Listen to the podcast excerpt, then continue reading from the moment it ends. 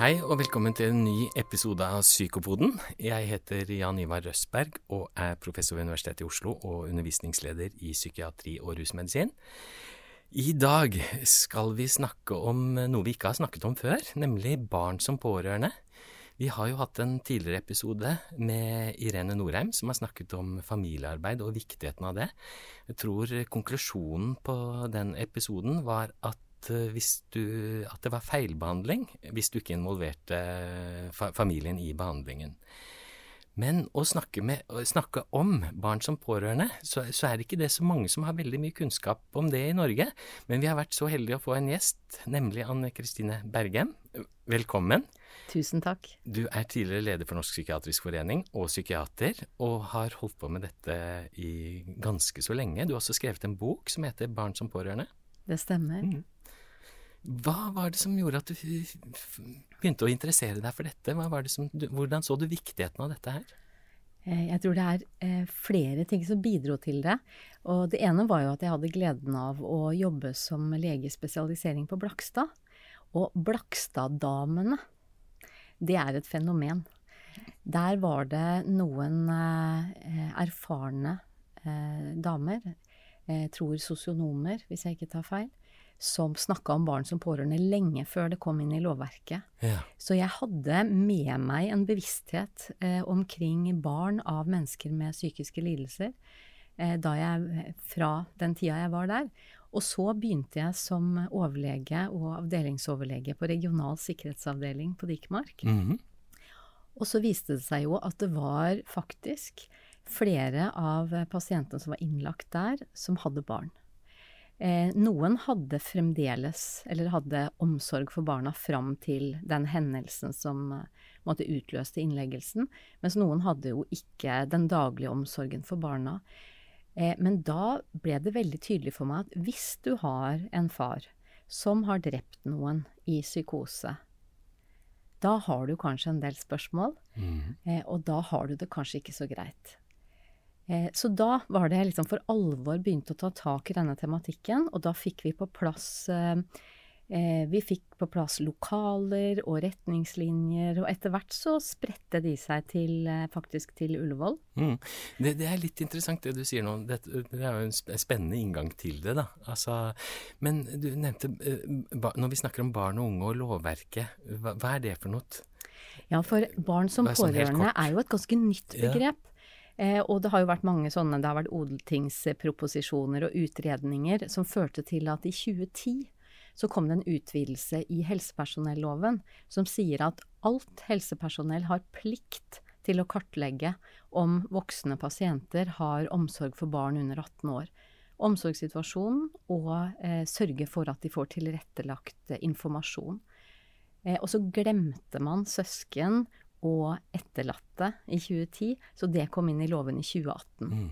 Men det er også sånn at er du helsepersonell, så har du plikt til å finne ut om den pasienten du har foran deg, eh, har barn, enten da som er søsken, eller som de har omsorg for. Ja, Og med barn og unge, da, så tenker vi på de under 18 år? I, ikke sant? Loven sier at barn er barn når de er under 18 år, ja. men er du 22 og bor hjemme, mm. så blir du jo berørt på samme måten. Men det er mm. derfor det er en 18-årsgrense. Det, det, hørtes jo, når du bare innledet her, det var jo ikke vanskelig å forstå viktigheten av det, egentlig, når du fortalte den historien som dro deg inn i dette feltet her. Men kan du utdype det litt? Hvorfor er det viktig at vi inkluderer barn eh, i, på en måte i behandlingen, da, iallfall innenfor, innenfor uh, psykisk helse- og rusfeltet? Jo, og, det var en av de andre tingene som gjorde at jeg ble så engasjert òg. Det, det, var jo det at det viste seg at veldig mange av de voksne pasientene som jeg møtte, når vi snakka om oppveksten deres, så viste det seg jo at mange av dem hadde jo egne pårørendeerfaringer i barndommen. Mm. Så, så, det er så mange grunner til at dette er viktig. Og så har jeg jo i senere år eh, lest mye om den store ACE-studien som ble gjort i USA på 90-tallet, eh, som står for Adverse Childhood Experiences. Eh, og der er jo det å vokse opp i en familie med alvorlig psykisk lidelse, det å vokse opp i en familie hvor noen har et, en, et rusmiddelproblem, eller det å ha en eh, forelder i fengsel, Eh, altså de tre tingene er eksempler på sånne adverse childhood experiences. Mm.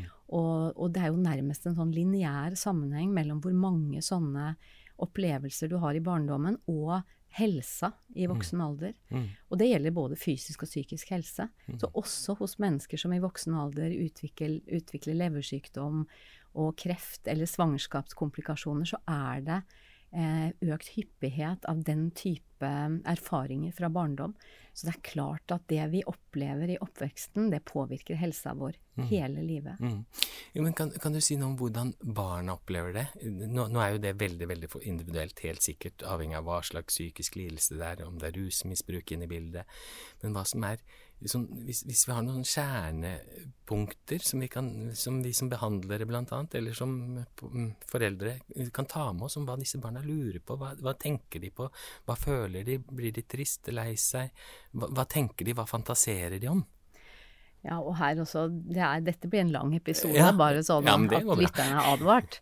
Eh, og det ene er jo at eh, psykisk lidelse hos foreldre kan jo påvirke barnet allerede fra svangerskap og fødsel. Og, og hvis vi legger til grunn at lytterne av denne podkasten kan litt om tilknytning, f.eks., så kan man jo allerede se at hvis, eh, hvis en mor eller en far har en alvorlig depresjon eller en, en psykose, så kan det bli trøblete å få til en god tilknytning. Og når vi vet også hvor viktig speiling Altså alle disse her tingene som foregår i samspillet mellom foreldre og barn, det kan jo bli utfordra når eh, foreldrene er alvorlig syke, Mm. eller påvirka av rusmidler, eller fraværende. Mm. Så det er jo det ene, at det begynner allerede der. Og så vet vi jo at ganske små barn eh, reagerer på intonasjon. Sånn at eh, man, man må på en måte tenke at barn er pårørende fra lenge før de kan snakke og forstå språk. For den måten vi foreldre og vi voksne er mot barn på, kan signalisere trygghet eller kan skape utrygghet. Og så etter hvert, når barna blir større, så vil de jo eh, måtte kunne reagere på endringer hos foreldrene. Og noen psykiske lidelser kan jo gjøre at foreldrene enten har mindre krefter, har eh, mindre tålmodighet, sånn at de blir irritable, eh, kanskje sinte.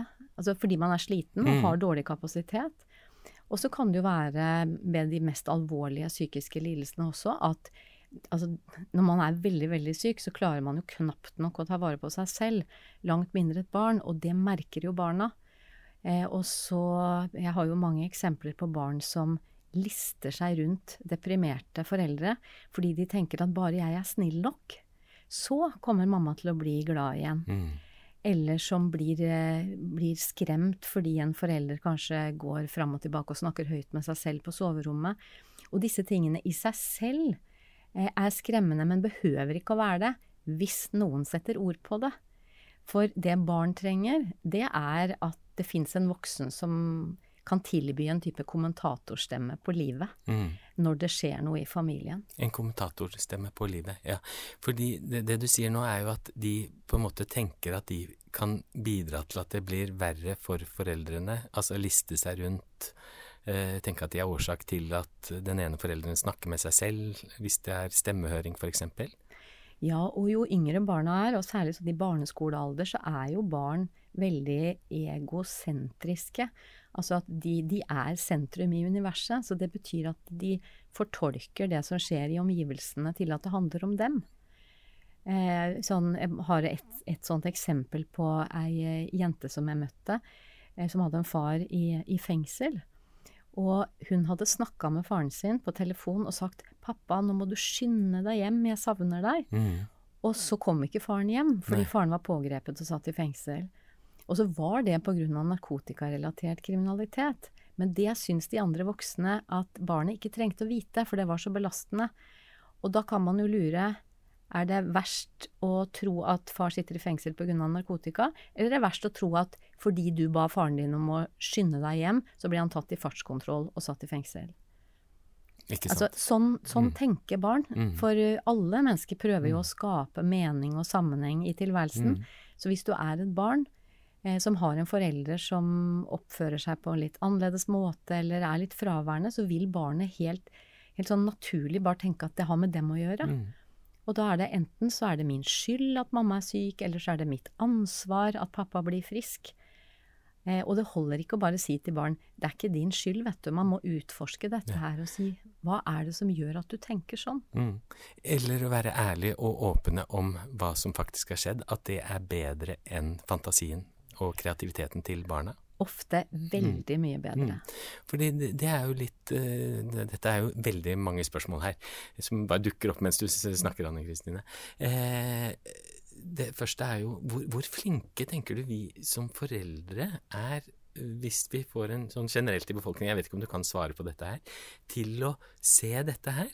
Når, hvis en forelder har fått en depresjon eller en psykose da, eller en angstlidelse, hvor flinke er vi generelt i samfunnet til å fortelle barna at hva dette dreier seg om på en enkel og fin måte? Jeg tror det korte svaret er at vi er altfor lite flinke til det. Og og det som er viktig for meg å understreke, det er at også foreldre vil det beste for barna sine. Mm. Og foreldre gjør så godt de kan. Så det er jo derfor at helsepersonell har fått denne plikten i helsepersonelloven. Fordi at når man er i krise, så blir man ikke spesielt kreativ. Og da trenger man trygge fagpersoner som kan si at du, når du nå er så deprimert, hvordan er det å være forelder da? Og så kan jo Da begynner kanskje personen å gråte og si at 'å, jeg har så dårlig samvittighet fordi at jeg blir så fort sint' og alt sånn. Ja, men vet du, det kan jeg forstå. Du, hvordan snakker dere hjemme hos dere om at du er deprimert nå? Nei, vi snakker ikke om det, vi prøver å skåne barna. Ja, det skjønner jeg, for de aller, aller fleste foreldre de vil jo gjerne skåne barna sine fra alt mm. som er vondt. Men så er det det at vi vet at det går faktisk ikke an. Barn skjønner at det er noe, og hvis mm. de blir gående alene med fantasiene sine, så blir de ensomme i tillegg. Mm.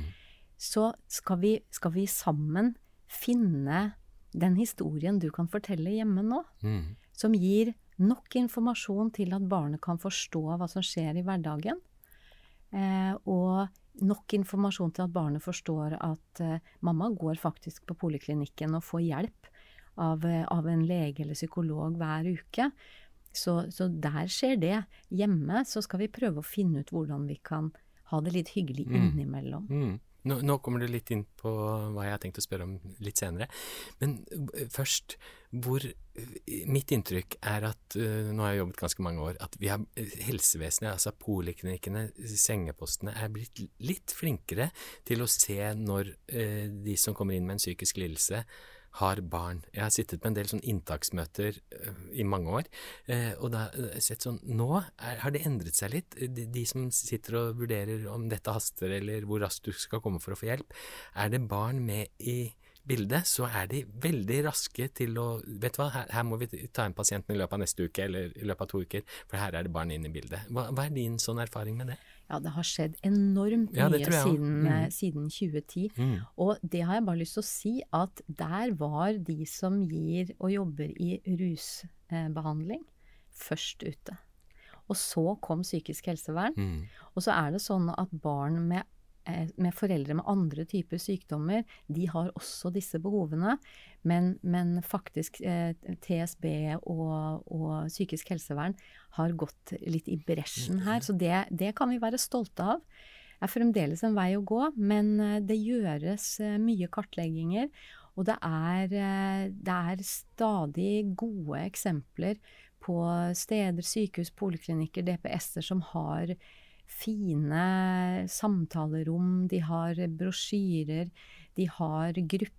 Altså, så det, mm. det fins veldig mye nå, ja. sammenligna med før 2010. Ja, Så en liten revolusjon der når det gjelder akkurat den delen av behandlingen. Ja, det vil jeg si. Men jeg, jeg syns det ofte er sånn ja, at psykiatri og rusbehandlingen ofte går forut for det som er somatikk, med somatisk medisin, at de har mange gode ideer. Når du sier andre Eh, somatiske lidelser hvis, Nå skal vi ikke snakke så mye om det, men, men at, er det lettere eller vanskeligere hvis det er kreft eller alvorlige nevrologiske sykdommer? Er det vanskeligere for barna å takle, eller er det lettere? Jeg tenker av og til at det kan være litt mer håndfast, kanskje, og lettere for pårørende å snakke om. Eh, det, det, har, mitt inntrykk er at det er litt vanskeligere å snakke om psykiske lidelser overfor, barn enn, overfor barna enn enn vanlige somatiske lidelser. da. Ja, og jeg tror nok at det inntrykket stemmer. For det ble jo gjort en sånn stor multisenterstudie i Norge som ble publisert i november i 2015. Eh, og da hadde de jo spurt veldig, veldig mange barn, familiene deres, lærere, altså helsepersonell, for å, for å få et inntrykk av hvordan det står til. Eh, og da kom det fram at det er vanskeligere å være familie når, eh, når, det er snakk om rusmiddelproblemer eller psykiske lidelser. Mm. Og noe av det er jo alle de si, sidene av livet som berøres. Fordi at eh, vi, det vet vi jo en del om, at har man alvorlige psykiske lidelser eller rusrelaterte lidelser, så er det ofte dårligere økonomi. Man har kanskje eh, ikke så godt sosialt nettverk. Så det er en del sånne ting mm. som kanskje ikke har med selve symptomene eller sykdommen å gjøre, men som gjør at familien eh, måtte strever mer. Og så kommer jo det med, med skam og stigma. Eh, og, og, det som den undersøkelsen også viste, var at de barna som har foreldre som er rusmiddelavhengige, det er også den gruppen barn som opplever flest potensielt traumatiske mm. eh, opplevelser i barndommen. Mm. Litt sånn knytta til vold og overgrep og sånn. Ja. Så, så, dessverre så, så, er det vanskeligere, selv i våre dager, mm. eh, å snakke om, eh, om, både om rusrelaterte ja. problemer og ja. eh, alvorlige psykiske lidelser. Mm. Når, du, når, du, sa det, så, da tenkte jeg veldig Ikke bare at det er kanskje vanskeligere å forklare for et lite barn, men jeg tenkte også på den stigma og, og den der at det på en måte ja, jeg blir mottatt på en annen måte i samfunnet også. Så hvis vi klarer å endre det litt bedre, kanskje, så kan det også endre seg. Ja, da, vi mm. snakker jo av og til om en sånn type et sånn statushierarki av sykdommer. Ja, ikke sant? Eh, og det er lettere å ha en sykdom, og lettere å være pårørende til noen som har en sykdom som, som det snakkes mye om, og som det satses mye på. Og, og, og jeg tenker sånn som f.eks. Kreftforeningen har jo vært utrolig flinke til å samle inn penger, og de har jo egne forskere, og sant, kreftkoordinatorer har, vært, har, jo vært blant de som tidlig også har tenkt på barn som pårørende. Så, så det, er mange, det er mange mm. utfordringer mm. med psykisk lidelse. Det, er jo litt interessant å se hvordan utviklingen har vært der, for den har jeg også lagt merke til. Eh, og ikke, du skal ikke så mange år tilbake før det var ganske stigmatiserende å ha kreft, og at man ikke snakket om det. Eh, overlegene turte jo nesten ikke å si det til pasienten engang, så, så vi får håpe vi kommer enda eh, lenger der når det gjelder psykiske lidelser også. Men eh, det, det jeg sitter hvis, Dette er jo så litt sånn vanskelig kanskje, og litt sånn uh, stort spørsmål, men hvordan konkret tenker du at behandlere, eller vi voksne, skal snakke med barna? Hvis f.eks. For en forelder er depresjon, hvordan vil du, går det an å si hvordan du ville tatt det opp med en, si en syv-åtteåring, da? Kanskje? Går det an? Eh, ja da, det går, eh, det går fint an. Eh, og da kan jeg jo bare si det med en gang at for barn så er det viktig at de vet at foreldrene syns at det er greit at vi som er helsepersonell snakker med barna. For barn er veldig lojale. Sånn at vi, når vi er helsepersonell, så må vi aldri prøve å komme måte, mellom barnet og foreldren. Mm. Det er foreldrene som er foreldre. Så det som kan være lurt, det er å snakke med forelderen først og så bli enige om hva man skal, eh, skal, fortelle barna, hvilken informasjon de skal få. Og så kan foreldrene være til stede i den første delen av samtalen. Og da kan man avtale med foreldrene at foreldrene skal sitte og nikke. Ikke sant. Måte, og litt sånn tommel opp, sånn at barnet ser at ja, men dette er greit. Mm.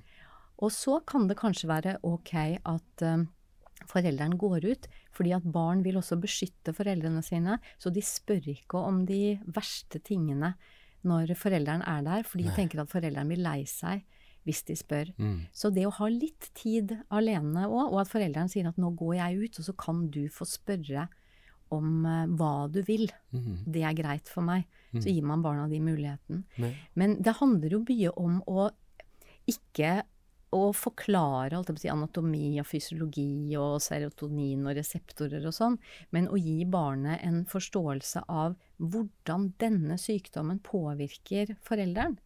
Så til en syv-åtteåring så kan man jo spørre om de har hørt ordet depresjon. Mm. Og så starte med å si det at det er litt som å være lei seg, men det er å være lei seg så mye at man blir syk av det. Eh, og så kan man si det at når man, og så kan man spørre barnet ikke sant, når du er lei deg, hvordan føles det? Og så kanskje barnet klarer å si noe, og kanskje ikke. Men så kan du si det at tenk om du hadde det sånn absolutt hele tida. Eh, og at du hadde det sånn hver eneste dag. Og at du ikke fikk sove om kvelden fordi du var så trist. At du ikke orka å spise fordi du var så trist. Mm.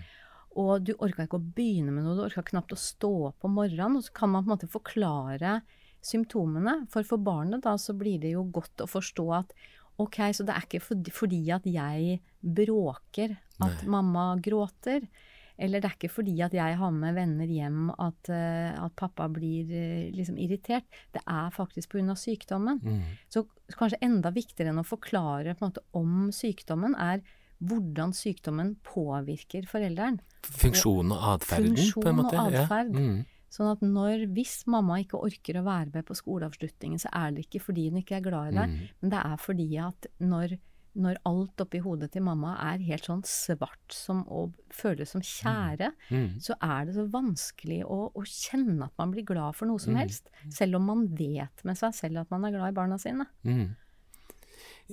Men når man sitter og snakker med barn, så kan det jo av og til at man har to barn man snakker med, tre barn. Altså, de er jo ekstremt lojale overfor foreldrene sine. Hvordan skal man håndtere det?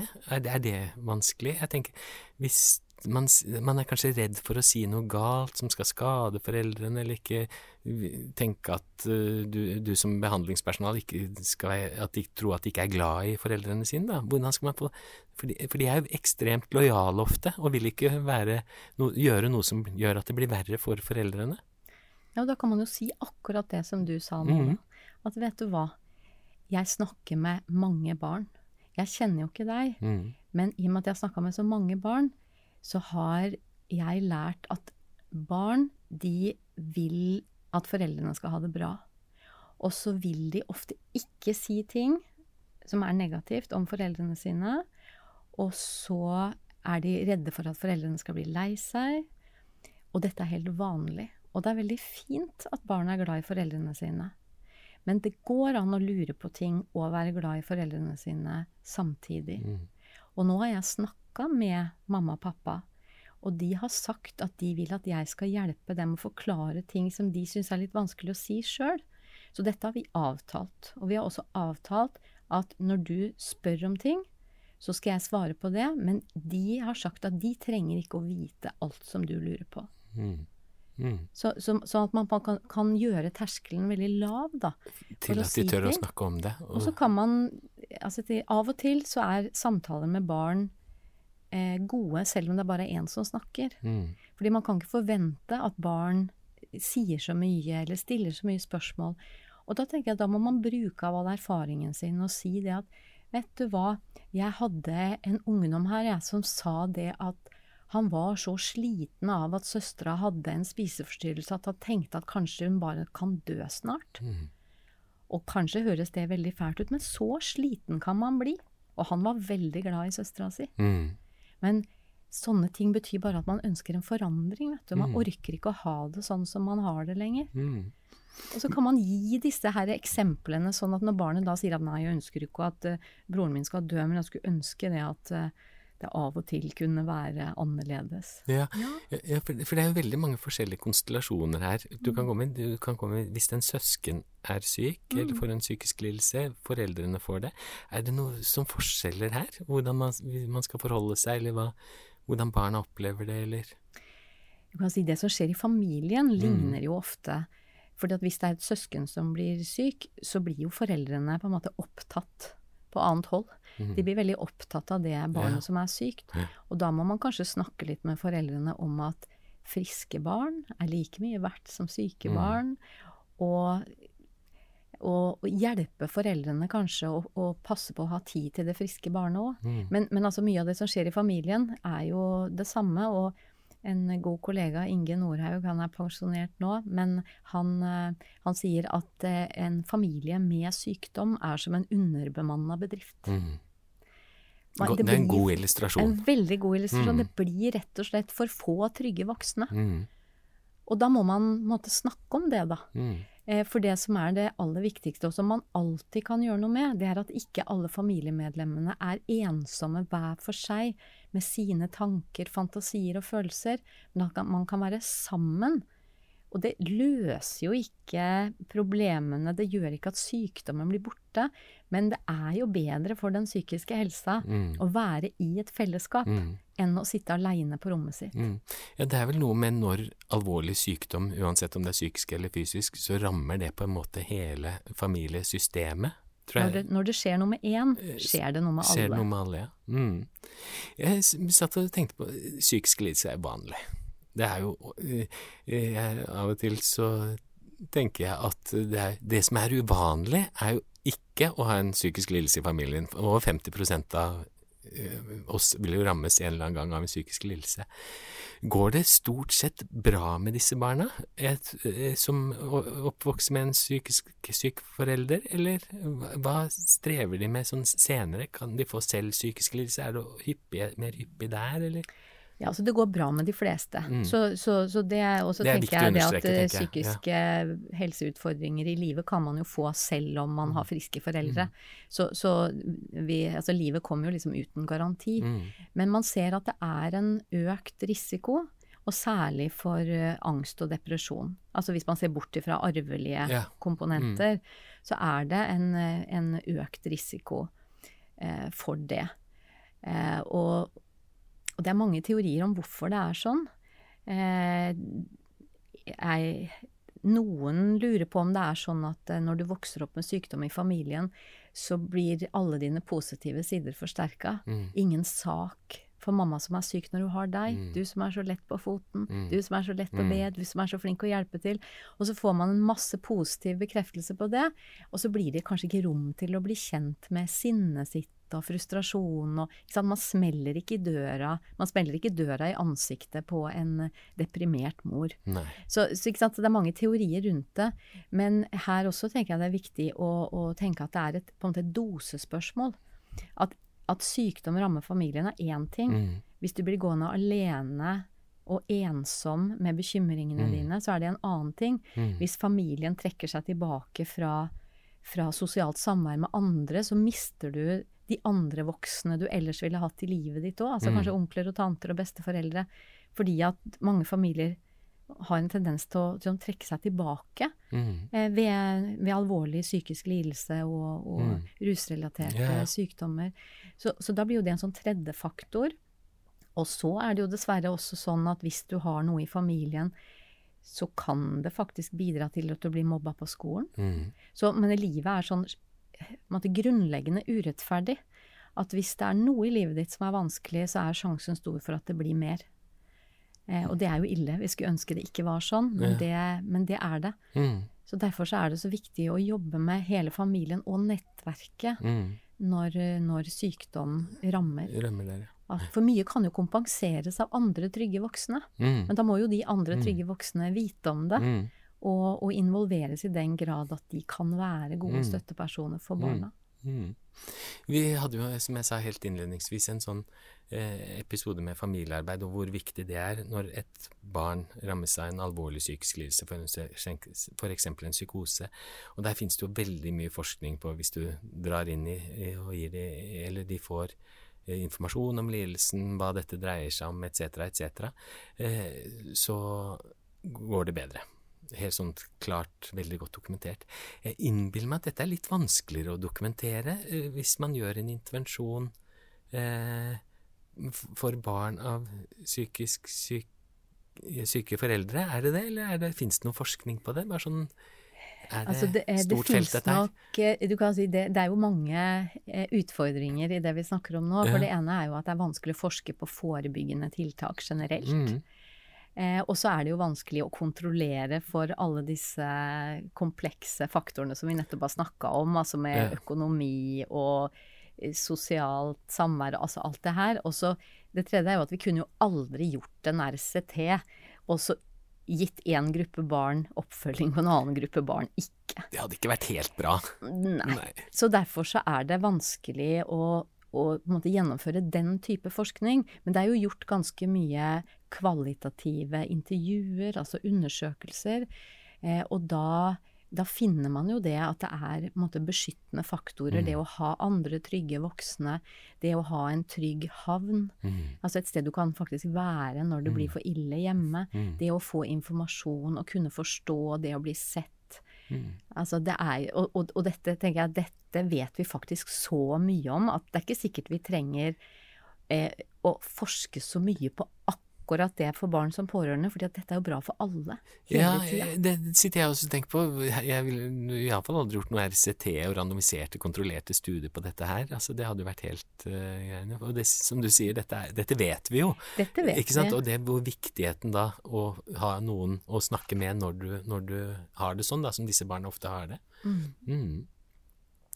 Nei, vi, det kan jeg jo bare skyte inn at jeg jobber jo på pårørendesenteret nå. Mm eh, Og får lov å jobbe med, med ivaretakelse av pårørende og barn som pårørende veldig mye av tida. Mm. Og vi har utvikla et sånn lite, lite sånn huske, huskefrase mm. i møte med barn som pårørende. Og det er at alle kan jo ikke gjøre alt hele tida.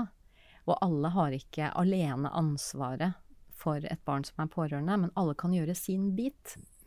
Og de tre bokstavene, bit, det handler om at du må bekrefte barnet. Mm. Altså, du blir berørt, du, Mhm. når mamma er syk. Og anerkjenne at Og det kan være ganske krevende. Mm. Så må du gi informasjon om sykdommen, informasjon om hvordan sykdommen påvirker hverdagen, informasjon om hvilke følelsesmessige reaksjoner det er helt naturlig for et barn å ha.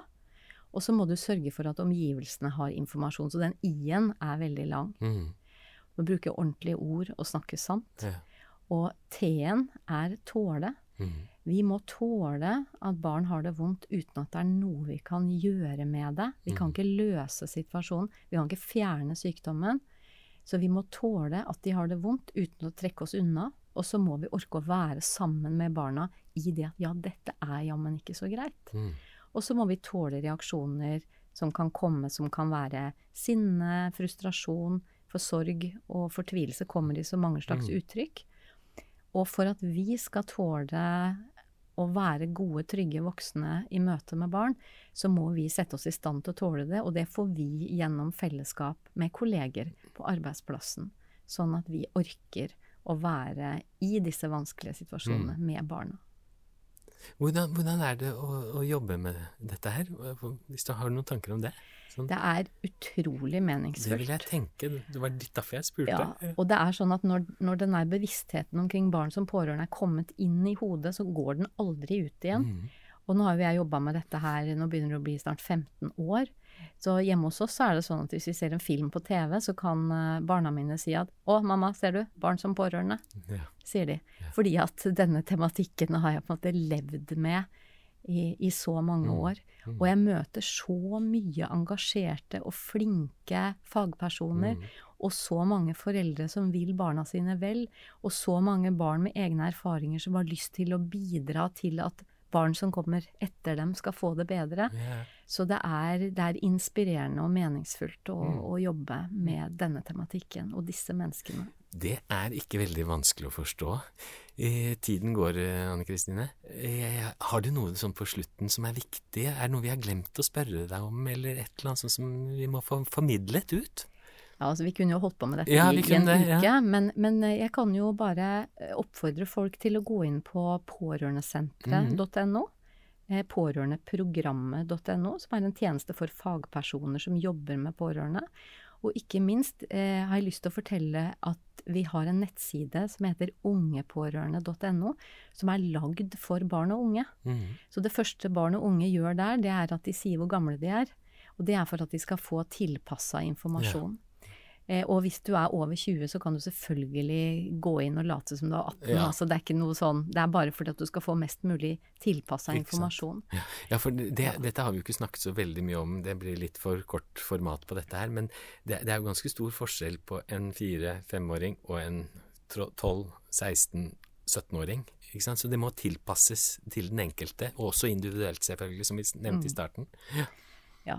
Og så for de som hører på denne og som skal jobbe med pårørende, så kan jeg også tipse om at eh, vi har en karttjeneste på våre sider, Hjelp hvor du bor. Og der sørger vi for at det er en oppdatert oversikt over tilbud til pårørende i hele landet. Og folk kan gå inn på sin, sitt fylke, sin kommune, og få vite hva som fins der hvor de bor. Og det er utrolig mange gode tilbud, både offentlige og av frivillige, Mm. ideelle organisasjoner. Mm. Så ingen trenger å stå aleine i en vanskelig situasjon. Det er hjelp å få. Men når man er i krise, så blir man som sagt ikke kreativ. Så da kan det være godt at det helsepersonellet man møter, kan informere litt og er kjent med hva Mm. som fins. Ingen trenger å stå aleine, det fins hjelp å få. Lurer på om det skal bli de siste ordene, jeg, eh, hvis du ikke har noe enda en eller annen ting å si? Nei, da tror jeg Da setter vi du meg bare i gang med, med veldig mye. Men jeg Ja. tror det, altså. I. Ingen trenger å stå aleine. Det er eh, hjelp å få. Og til alle fagpersoner, ingen kan gjøre alt, Mm. men alle kan gjøre sin bit. Ja, noe. Alle kan gjøre noe, ikke sant. Tusen takk for samtalen, Anne Kristine Bergem. Veldig hyggelig å snakke med deg, og dette var veldig informativt. Eh, da er, står det igjen bare å takke for oss, og spesielt til Morten Skoglund ved Seksjon for medisinsk informasjon, Institutt for klinisk medisin, Universitetet i Oslo. Eh, og da er det å si igjen vi høres.